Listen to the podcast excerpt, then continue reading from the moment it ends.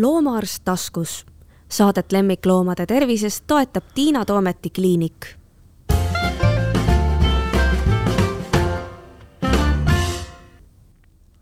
tere, keset suurt suve istume jälle taskus, mina olen Tiina Toomet, minu vastas on Keit Karurahu, Eesti Loomakaitse Seltsi juhatuse liige ja räägiks natukene siis äh, Eesti Loomakaitse Seltsi tegemistest.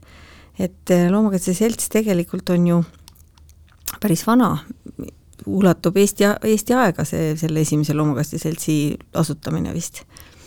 jah, tere ka minu poolt, et äh, tegelikult erinevad loomakaitseseltsid tegutsesidki juba Eesti ajal et siis küll oli ähm, erinevatel linnadel, siis olid omad seltsid, et oli Tallinna Loomakaitse Selts, Tartu Loomakaitse Selts ja neid siis ühendas siis äh, Loomakaitse Liit. et jah, et see oli päris pikka aega tagasi ja tegelikult nagu me Loomafoorumilgi kuulsime, et äh, siis juba kaheksakümnendate lõpus üritati taasluua tegelikult Loomakaitse Seltsi. jaa, noh, ma ei hakka sellest siin pikalt rääkima, sest et kui ma sellele lainele satun, siis võib, võin nagu saate ise ära rääkida, et ma pigem tahan ikka sinu käest asju kuulda. aga tõsi ta on, et kaheksakümne kaheksandal aastal siis entusiastlikud inimesed kõik läksid seda mm, Loomakaitse Seltsi taasasutama ja see ka sel hetkel õnnestus, aga aga hingusele ta läks erinevatel põhjustel ja ja noh, eks neid põhjuseid me näeme praegu ka õhus. et inimestel on sellest loomakaitsest väga erinev arusaamine ja, ja tihtipeale need ei kattu omavahel ja siis sellepärast ongi ka neid organisatsioone palju ja kõik nad ei ole alati üksmeelel, aga teisest küljest ma arvan, et pigem olgu palju, kui oleks vähe, et, et kõik nad ikkagi üritavad loomade heaelu, heaolu eest seista räägi mulle siis nüüd lähemalt, et ähm, kaks tuhat oli see, millal siis see selts nüüd jälle taasasutati, mille, mille juhatuses sina oled või oli see kahe tuhandendal aastal? jah, just kaks tuhat mm. äh, kevad siis, et mm -hmm. täpselt äh, Loomakaitse Seltsi sünnipäev on siis kakskümmend märts ah,. Okay. et äh, meil on hea arvestada oma tegutsemisaastaid, et praegu on siis meil kakskümmend kolm aastat täis mm. -hmm. et et eh, jah, et kui me tegevust alustasime, et siis oli see valdkond väga lai ja tegelikult ka Eesti Loomakaitse Selts oli ainukene loomikaitseorganisatsioon, et Eestis isegi ei tegutsenud nii palju varjupaikasid. et eh, jah, et mina liitusin eh, seltsiga seal kaks tuhat seitse lõpp, et selle, selle ajaga, mis siis toimunud on, et sellega ma olen rohkem kursis kuna tol ajal siis nüüd algusaastatel oligi peamine probleem, oli siis hulkuvad loomad, millega siis äh, peamiselt tegeleti ja mille, mis tegelikult tollal siis oligi väga, väga, väga suur probleem, et meil ju endiselt ju koerakarjad jooksid isegi Tallinnas ringi, et äh, ja noh, me kaugel tegelikult ei ole ka enam aeg tegelikkuses, millal ju Paljassaares elasid veel ju koerte karjad mm. -hmm. et nüüd on Paljassaares varjupaik. jah, nüüd on Paljassaares hoopis varjupaik mm. -hmm et eh, jah, et eh, tollal noh, eks liiguti ka edasi, et kuskil seal kahe tuhandete teisel poolel loodi siis Loomade nimel, kes siis keskendus rohkem siis ka teistele loomaliikidele. Ja Loomakaitsega Selts siis hakkas nendega rohkem ka koostööd tegema, et siis tuli see karusloomafarmide teema juba, see oligi ja siis oligi pigem selline rõhk avalikul teavitamisel, et Loomade nimel tegi hästi palju meeleavaldusi, mis sellele mm -hmm. teemale tegelikult rohkem tähelepanu juhtis mm. -hmm. no mulle endale niimoodi kõrvaltvaatajana tundub praegu, et võib-olla ma eksin, aga et teie oletegi võib-olla ja loomus ka, kes püüabki rohkem võib-olla tegeleda seadusandlusega ja siis selle teavitamise poolega, noh praegu suvel on hästi palju, on tulnud teilt kõiki neid selliseid teavitus kuidas postereid või, või selliseid informatsiooni, noh kas või, et ära jätta looma autosse või kust sa omale looma võtad ja kõik need asjad ja siis on hulkuvate loomadega tegelevad ikkagi päris edukalt minu meelest meie varjupaigad, ma täitsa kergitan mütsi ja minu meelest nad töötavad nagu hästi, sest noh, ega hulkuvat koera ikka naljalt enam tänaval ei näe ju jah mm,, jah ja. ja., probleem, suurem probleem on endiselt kassidega ja, küll, aga jah, Eesti Loomakaitse Seltsi eesmärgiks ongi siis tegelikult kõikide loomade heaolu tagamine, parandamine ja ka siis väärkohtlemise ennetamine mm. -hmm. et, et me teemegi seda nii-öelda siis, täidame siis viie tegevusega seda eesmärki, et üks ongi see loomakaitsealaline järelevalve, et selleks on meil infoliin, kuhu saavad inimesed äh, kaebuseid esitada, Äh, loomulikult me reageerime nendele kaebustele, kahjuks küll, kuna me ikkagi oleme organisatsioon, kes tegeleb peamiselt vabatahtlike alusel, et siis me sõltume sellest, kas me saame ise kontrollkäiku minna tegema, sellest, kas meil on parasjagu ka vabatahtlikke võtta või keegi siis meie töötajatest saab koha peale minna. Aga on teil selline süsteem ka, et kui teile see kaebus tuleb, et te tegelikult võtate ühendust kas siis PTA-ga või politseiga või kellegiga, kellel on nagu suuremad õigused sekkuda või, või kuidas see jah, kord on? see olenebki juhtumist ja kui palju informatsiooni me tegelikult kohe kätte saame sellelt inimeselt mm, -hmm. et äh, me üritame olla see filter seal siis ametkondade vahel, et me kontrollime ära, et kas see juhtum, juhtum tõesti vajab reageerimist okay.. et äh, et me üritame ise inimesega siis nii-öelda läbi rääkida, tingimusi parandada, et, et noh, tavaliselt ju probleem on tegelikult selles, et inimene lihtsalt ei tea, mis tingimusi ta peab oma loomale võimaldama et me üritamegi siis jälle välja selgitada ja inimest nagu nõustada, mis ta siis tegema peaks mm. -hmm. ja kui see läheb meil hästi, et siis me tegelikult ei peagi ju Põllumajandus- ja Toiduameti poole pöörduma. et aga kui on juba sellised tõsisemad juhtumid ja omanikud, kes ei taha meiega koostööd teha, siis me tõesti peame pöörduma juba Põllumajandus- ja Toiduameti või kui ongi selline väärkohtlemisjuhtum, nagu siin viimati Õismäel oli see Jack Russelli teema näiteks, kus looma, Eestimaa Loomakaitse Liit äh, reageeris kohe, et siis tõesti on ka politsei abi vaja. politsei on ikka väga tubli minu meelest selle koha pealt, ma täitsa imetlen neid jah, nad väga kiiresti mm. üldiselt reageerivad ja nad ka ise vahepeal sekkuvad ja aitavad ja, loomi ja,. jah, jah aga jah, ja siis me tegeleme ka siis nii-öelda otsese abistamisega, et, ähm, et aastatega, kuna meil on väga tegusad varjupaigad, et siis see rõhk on küll vähemaks jäänud, kuid me võtame ikkagi enda alla siis loomi, kelle, kes, kes meile siis omaniku poolt otse loovutatakse või siis tõesti juhtumite käigus siis äh, meie hoole alla jõuavad. et äh, seal ongi siis see, et me võimaldame neile ravi, otsime neile hoiukodu ja hakkame neile siis uut kodu otsima, et peame siis neid loomi nii kaua üleval, kuni nad leiavad endale uue kodu, kodu. Ja üks siis hästi oluline osa on meil inimeste koolitamine. et me käime lasteaedades, koolides, kui meid kutsutakse rääkimas loomakaitsest, looma, loomapidamisest. Ja samuti teeme ka selliseid avalikemaid loenguid ja koolitusi, et äh, iga aasta korraldame käpakäiku, mille raames on ka meil nüüd viimastel aastatel toimunud erinevad loengud. Ja sügisel on meil ka siis konverents kus siis saab erinevatel loomateemadel rääkida. Ja loomulikult äh, õigusloomes osalemine, et ka seaduse muudatusettepanekuid teeme, kui ka räägime kaasa nende muudatuste juures.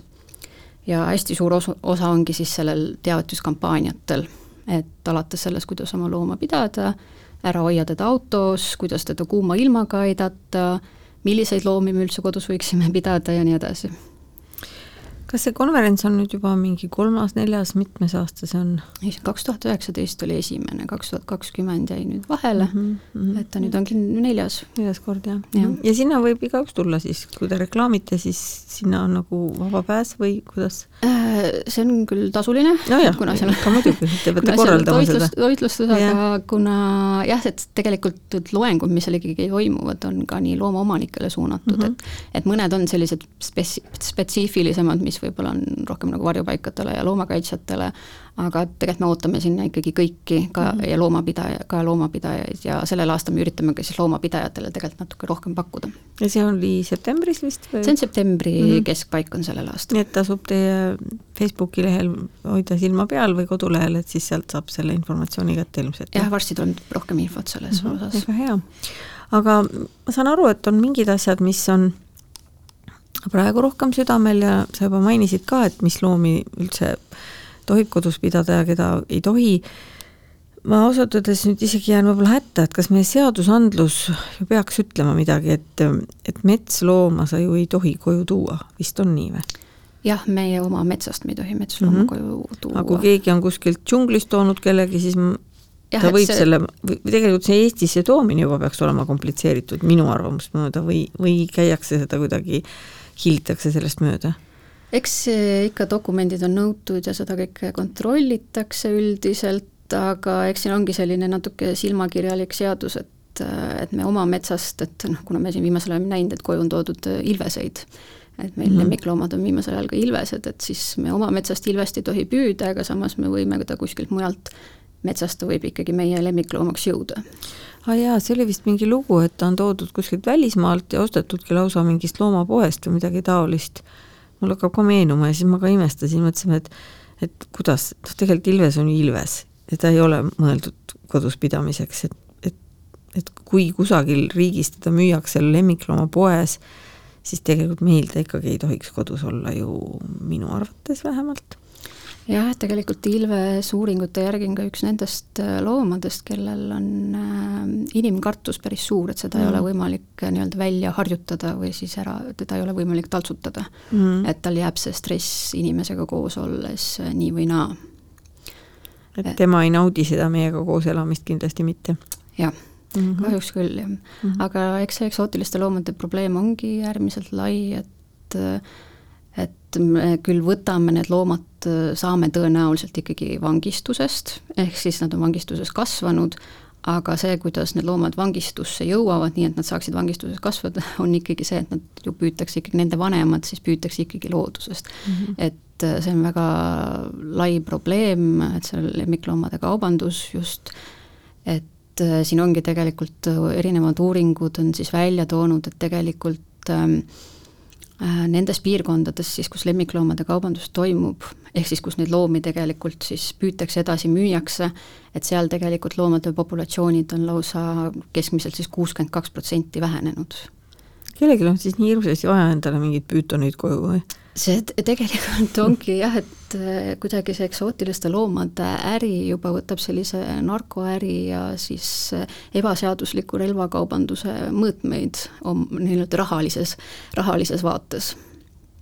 see on uskumatu, sellepärast et no see püütoni ta ilmselt siis ikka tahab omale tuppa panna elama, mitte ei taha endale mingit püütoninahast kingi teha, noh, mõlemad on minu meelest nagu lubamatud tegevused, aga aga see on ikka hästi veider, aga see tuleb mingisugusest äkki mingist vanast ajast, kus kuningal pidi olema üks kuningas, teise kinkis teisele lõvi ja teine kinkis siis elevandi ja siis on ka natuke selline suurushullustuse moodi asi, mulle tundub, mitte ma, ma võib-olla teen kellelegi praegu liiga, aga, aga mulle, mulle ei tundu see nagu loomaarmastuse märki kandvat, vaid pigem ikka sellist, et näidata, et oo, mul on siin selline loom kodus jah, eks see on mm. seda nii ühte kui teist, et äh, ma tahaks nagu uskuda, et enamik inimesi teevad seda just loomaarmastusest, aga nii-öelda teistmoodi looma, loomaarmastusest selles suhtes, et neil on võib-olla huvi erinevate loomaliikide vastu ja nad tahaksid väga nende endale koju et äh, sealt võib-olla ongi see, see selline filosoofiline arutelu, et kas see loomaarmastus on nüüd äh, looma vastu või see loomaarmastus on enda meelelahutuseks, et et mm, -hmm. et võib-olla sealt saab nagu juba laiemalt arutada, aga võib-olla tõesti inimesed võib-olla ei mõista seda probleemi nii laialt. sest kui mõelda, et sul on huvi mingi teatud loomaliigi vastu, noh kas või näiteks, et mind huvitavad ilvesed, näiteks, mitte et mind huvitaks tegelikult hirmsasti ilvesed, aga ütleme, siis ma ju hakkaksin uurima tema elu ja kuidas ta sünnib ja, ja mida ta sööb ja kus ta elab ja kas ta on öise eluviisiga, päevase eluviisi, kuidas ta nagu olla tahab ja siis ma ju üsna kiiresti peaksin jõudma selle tõdemusele, et ta ei taha elada korteris. ehk siis see, see, see ju nagu eeldaks, et kui sind huvitab mingi loom, siis sa teed endale ka selgeks, et mis oleks tema jaoks nagu optimaalne selline elamiskoht, aga mitte ei sunni teda elama endaga, aga noh, eks jah, see vist see on küll jälle üks sellest osast, millega te tegelete, et teavitame inimesi, et kõiki loomi ei ole mõtet omale koju tassida jah, eks, eks nende eksootidega ongi see, et ega need enamik neist loomadest ikkagi ei sobi meie kodudesse mm, -hmm. meie kliimasse, et eh, noh, eks siin tõenäoliselt inimesed põhjendavadki seda kuidagi endale erinevalt, et eh, millega me kokku oleme puutunud, et ongi see, et noh, et kui ma neile ju need tingimused tagan, et noh, et mis ma siis valesti teen. et või siis äh, tuuakse näiteks välja see, et äh, aga noh, et see ongi liigikaitse. et kui ma toon selle looma endale koju, et siis ma ju säilitan, aitan ju säilitada seda liiki. ja, ja noh, jah, loomulikult ongi lihtsalt see soov lihtsalt omada neid tore, toredaid elukaid endale lähedal mm.. aga noh, eks me ju teame, et noh, tegelikult see kõik ei vasta tõele, et sellel, nendel loomadel ei ole võimalik kodus pakkuda neid tingimusi, paljude liikide kohta me tegelikult ei teagi, mida nad vajavad, me ei oskagi tegelikult neile pakkuda, see informatsioon, mis nende kohta liigub, et on äärmiselt vastuoluline, et kui ma olen siin rääkinud erinevate spetsialistidega, nii Eestis kui väl-, Eestis kui välismaalt, et siis tegelikult nad ütlevadki, et noh, et isegi nemad ei tea näiteks, mida punakõrv, ilukilp on tegelikult vaja, millist, mis kraadiga see vesi peab olema. ja kui seda guugeldada, siis sealt leiab neli-viis erinevat kraadi mm. -hmm. et, et isegi see info, mis tegelikult me, meil tundub, et on leitav, et tegelikult see võib olla vale.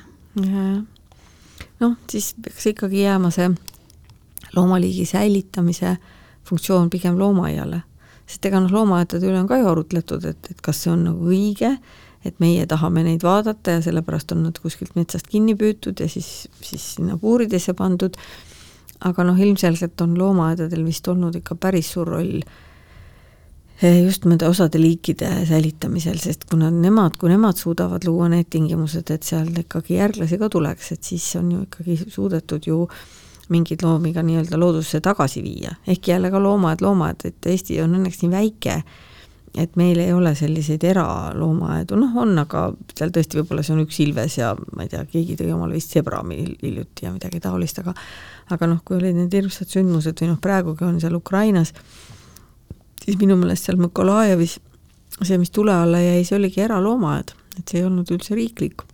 ma noh, muidugi ei tea, võib-olla ta oli väga heade tingimustega, et ma ei taha nüüd öelda, et see eraloomaaed peab tingimata nagu halb olema, aga aga, aga noh, jah, vist mingit suuremat tähelepanu ja järelevalvet kogu see, kogu loomadega tegutsemine vajab ja noh, siis nendest eksootikutest siis nagu rääkimata.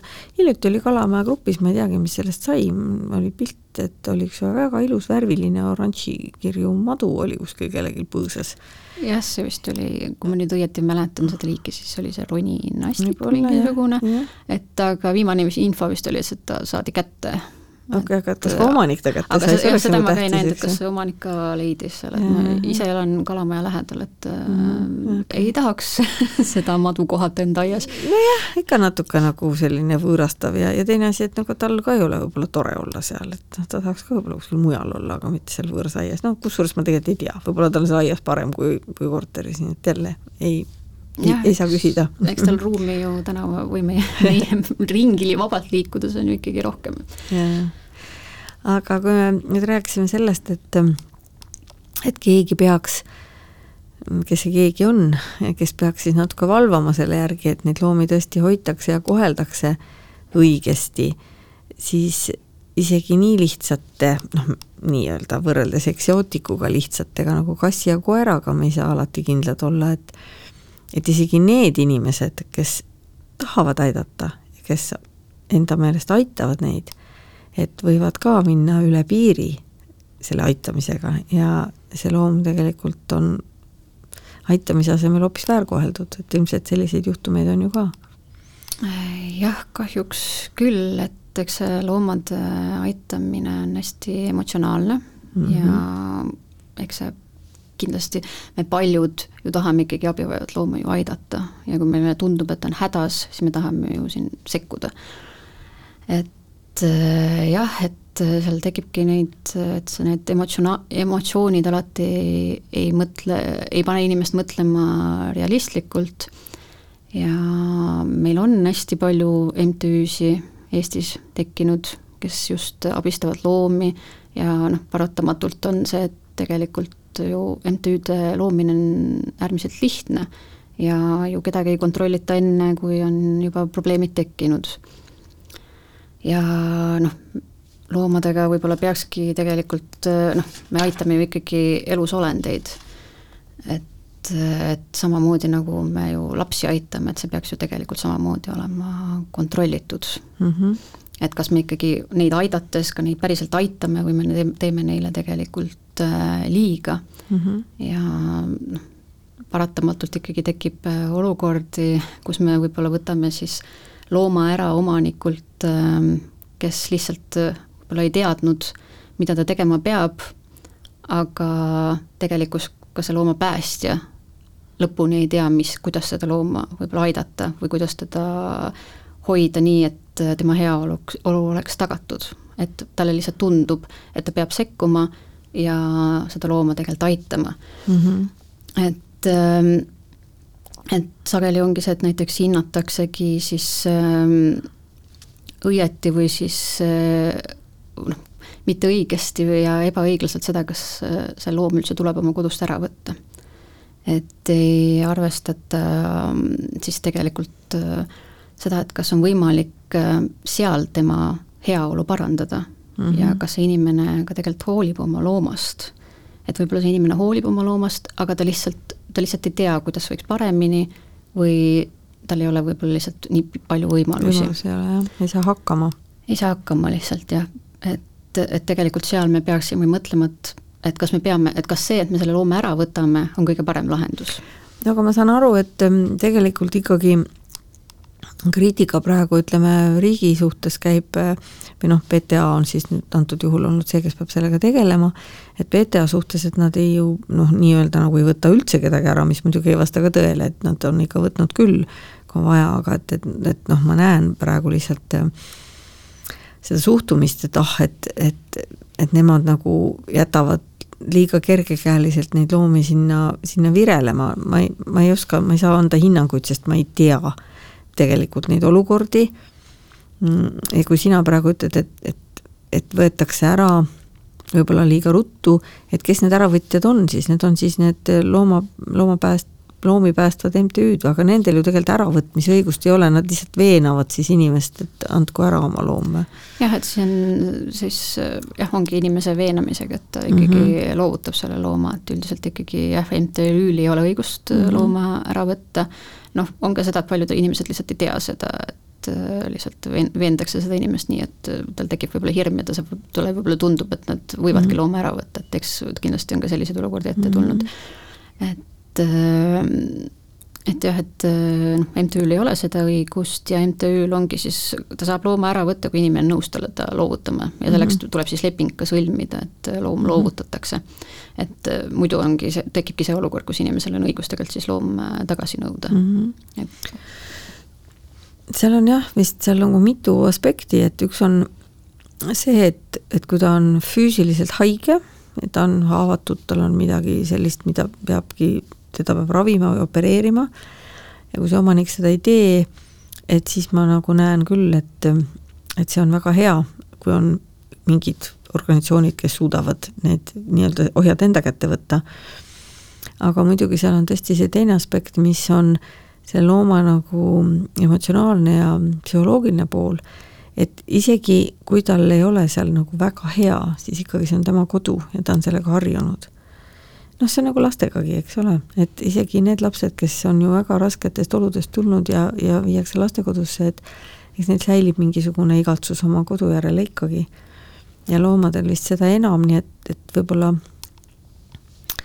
võib-olla siin on see aspekt, mida peaksid need loomade äraviijad võib-olla rohkem arvestama, et, et, et, et tõesti, kui ta on ikkagi elanud nagu kodus ja siis ta satub näiteks mingisse varjupaika, mis on hoopis teine kooslus, et see ei ole üldse lihtne selle koera ja eriti veel kassi jaoks, ma arvan. jah, et see ongi tegelikult äh, äärmiselt raske otsus ja äärmiselt äh, hästi peab oskama selle inimesega suhelda, et aru saada tegelikult, et esiteks, kas ta hoolib oma loomast, kas ta on valmis neid tingimusi parandama, kas ta üldse on võimeline selleks ja, ja ongi, et sealt tuleb see raske otsus vastu võtta nüüd, et kas on parem see loom jätta sinna, kus ta praegu on ja loota, et need tingimused paranevad ja käia seda siis aeg-ajalt kontrollimas võib-olla, või ongi siis parem variant see loom nüüd tegelikult põhjustada talle stressi sellega, et ta võetakse oma kodust ära, et viiakse võõrasse keskkonda. et äh, ja noh, loomulikult ongi, et kui looma elu on ohus ja inimene ei ole valmis koostööd tegema, et siis ju peab reageerima mm. -hmm. et siis peab tegelikult selle looma sealt ära viima. on sul positiivseid näiteid sellest? Et te olete inimesega rääkinud, käinud hiljem kontrollimas ja ta on teinud oma looma heaks nii palju, et ei näe põhjust enam teda ära võtta? Äh, tegelikult meil ongi pigem selliseid näiteid, et noh, viimasel ajal on tulnud rohkem juhtumeid, kus tõesti koostööd on keeruline teha, aga peamised juhtumid, millega me tegeleme, ongi see, et noh, tulebki välja, et see, et inimene tegelikult, ta ei tea lihtsalt ta lihtsalt ei teadnud, kui pika keti otsas tema koer peab olema või et tegelikult see kuut, mis tal seal on, mis tal on võib-olla seal aastaid juba olnud, ta van-, vanematel oli seesama kuut koerale, et tegelikult see ei ole piisav mm. -hmm. ja inimesed äh, parandavad, kui neile seletada, aga noh, loomulikult oleme sattunud ka inimese otsa, kes ütles, et tema, tema ei viitsigi oma loomaga tegeleda, et las ta siin istub ja küll ta kunagi ära sureb. et et noh, siin on juba see olukord, kus me peamegi siis rohkem sekkuma ja võib-olla Põllumajandus- ja Toiduameti kaasama mm. -hmm. ma ei hakka praegu selle keti teemaga, sest see on nii pikk, et, et noh, ma tean, et et on plaanis seda seadusmuudatust ellu viia, et, et nad ei tohiks üldse ketis olla, mis on pikemas perspektiivis kindlasti õige lihtsalt, et kuidas ja kui ruttu seda saab rakendada, et, et ma arvan, et me ei hakka seda praegu siin arutama, sest see on nagu täitsa omaette teema. me tahtsime rääkida veel natuke sellest, et, et väga palju muutuks asjad paremuse poole ilmselt, kui meie seadusandluses ei oleks loom ese või asi, et siiamaani ta on ju tegelikult noh, kapp või jalgratas või midagi taolist. Jah, Eesti seaduse mõistes on loom siis inimese omand ikkagi inimese jah, et põhimõtteliselt võrdväärne siis tõesti lauakapiga või tooliga, et et omanik otsustab, mis ta temaga teeb ja, ja omanik on siis, kui oma nii-öelda ongi, ongi see aspekt, et kuna omanikud reeglina on ka need, kes nii-öelda neid tingi-, loomapidamistingimusi rikuvad või siis oma looma piinavad või väärkohtlevad mingil muul viisil, et äh, siis tegelikult omanikul on ainult õigus siis oma looma tegelikult kaitsta. et kui ametnikud ei sekku, siis kellelgi teisel ei olegi õigust äh, tegelikult ka rohkem sinna midagi parata. Kas seal on nagu see huvitav aspekt minu meelest, et noh, kui sul on auto, siis sa pead ikkagi tõestama, et see auto on sinu oma, sest sul on tavaliselt mingid paberid, eks, ja noh, majast ma ei räägigi, et sa ei saa öelda mingis suvalises majas sees istuda, öelda, et see on minu maja kas ähm, koera või kassiga peaks ju ka nii olema, sest meil on tegelikult juba ju reeglid olemas, et loomad peavad olema kiibistatud ja registreeritud. ehk siis, et, et kui see koer ei ole kiibitud ja ta ei ole minu nimel, siis mulle tundub, et seaduse ees mul ei ole mingeid õigusi, mis siis, et ta elab minu korteris või mm.? või on ta kapp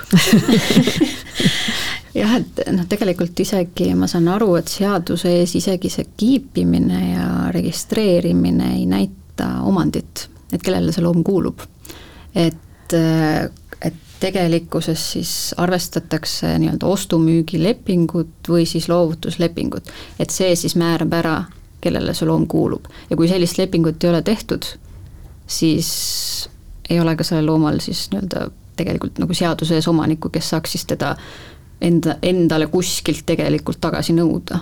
oo, siis järelikult need pollad, kes on tulnud kusagilt ei tea kust, noh, kõik need juhtumid, mis on olnud meil siin, eks ole, need väärkoheldud loomad on ju tavaliselt mitte võetud kasvatajalt ja neil ei ole mingeid loovutuslepinguid, siis need võiks ju täiesti vabalt rekvireerida ja, ja, ja kuulutada see niinimetatud omanik mitte kellekski.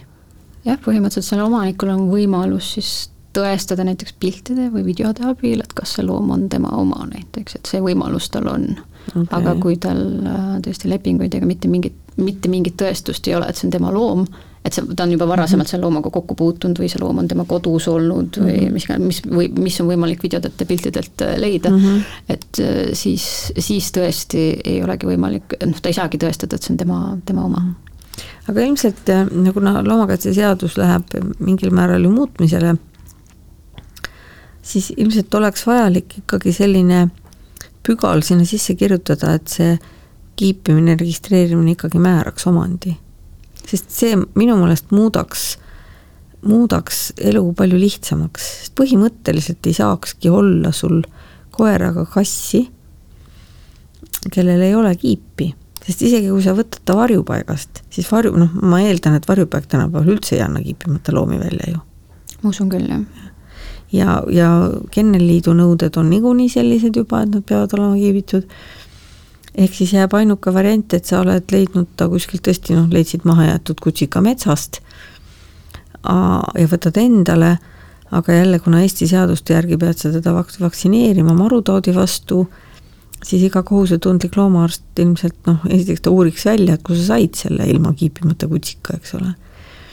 Ja edasi siis paneb talle kiibi ja sellest hetkest, kui tal on kiip pandud ja tal on esimene nii-öelda registrimärge, siis see esimene inimene peakski vastutama selle looma eest siis kuni tema surmani.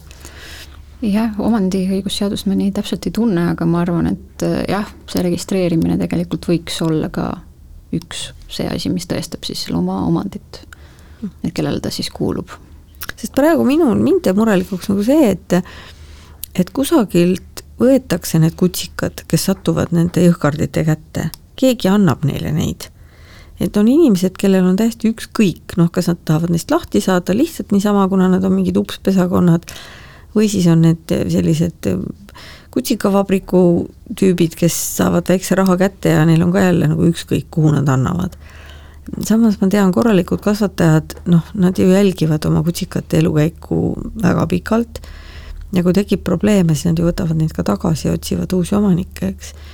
et see oleks see ideaal, kuhu me peaksime pöörduma või pürgima, et see, kes selle kutsika tootis, siis ta peab arvestama sellega, et et võib-olla see toode tuleb sulle kätte tagasi, sellepärast et see uus omanik ei saa lihtsalt hakkama.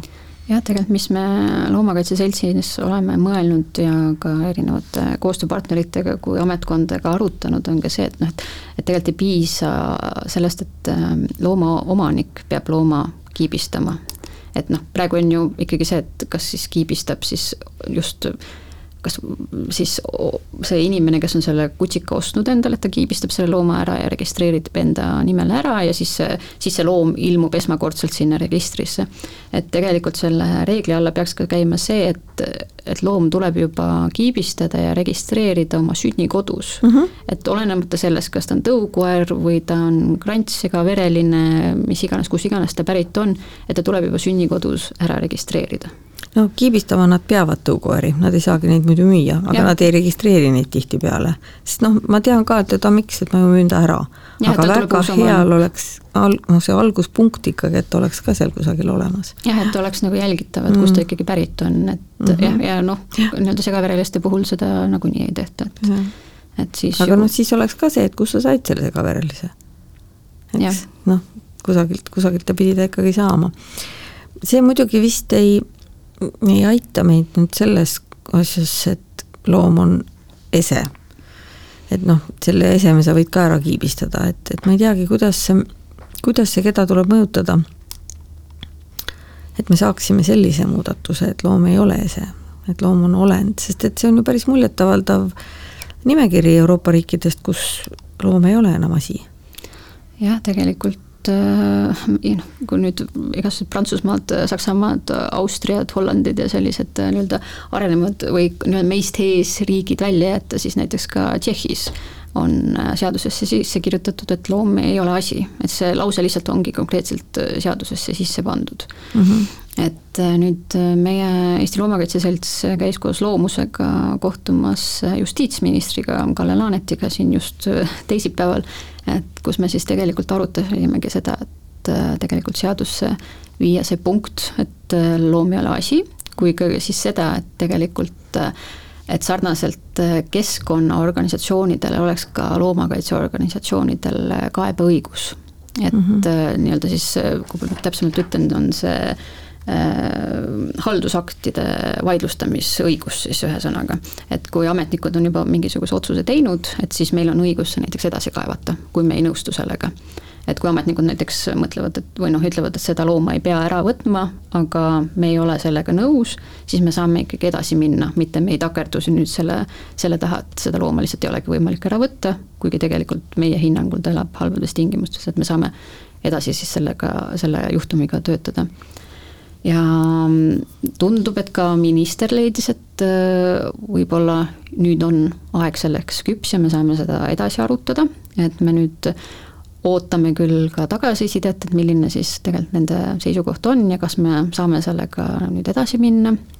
et äh, meile loomakaitsjatena tundub, et aeg on selleks äh, küps, et võib-olla kümme aastat tagasi me oleks liiga vara sellega alustanud, et ja noh, seda me nägime ka ju äh, mai lõpus toimunud äh, esimesel sõltumatul loomafoorumil, kus väga erinevad äh, eksperdid ja spetsialistid kokku tulid, et olid seal poliitikuid, loomaarste, muidu tuntud inimesi ja aktiviste, et tegelikult me ju kõik ikkagi leidsid seda, et loom ei peaks enam meie seaduse mõistes olema asi ja tal peaks mm -hmm. olema ikkagi oma, oma väärtus, mis ei tulene sellest, mis kasu ta inimesele pakub.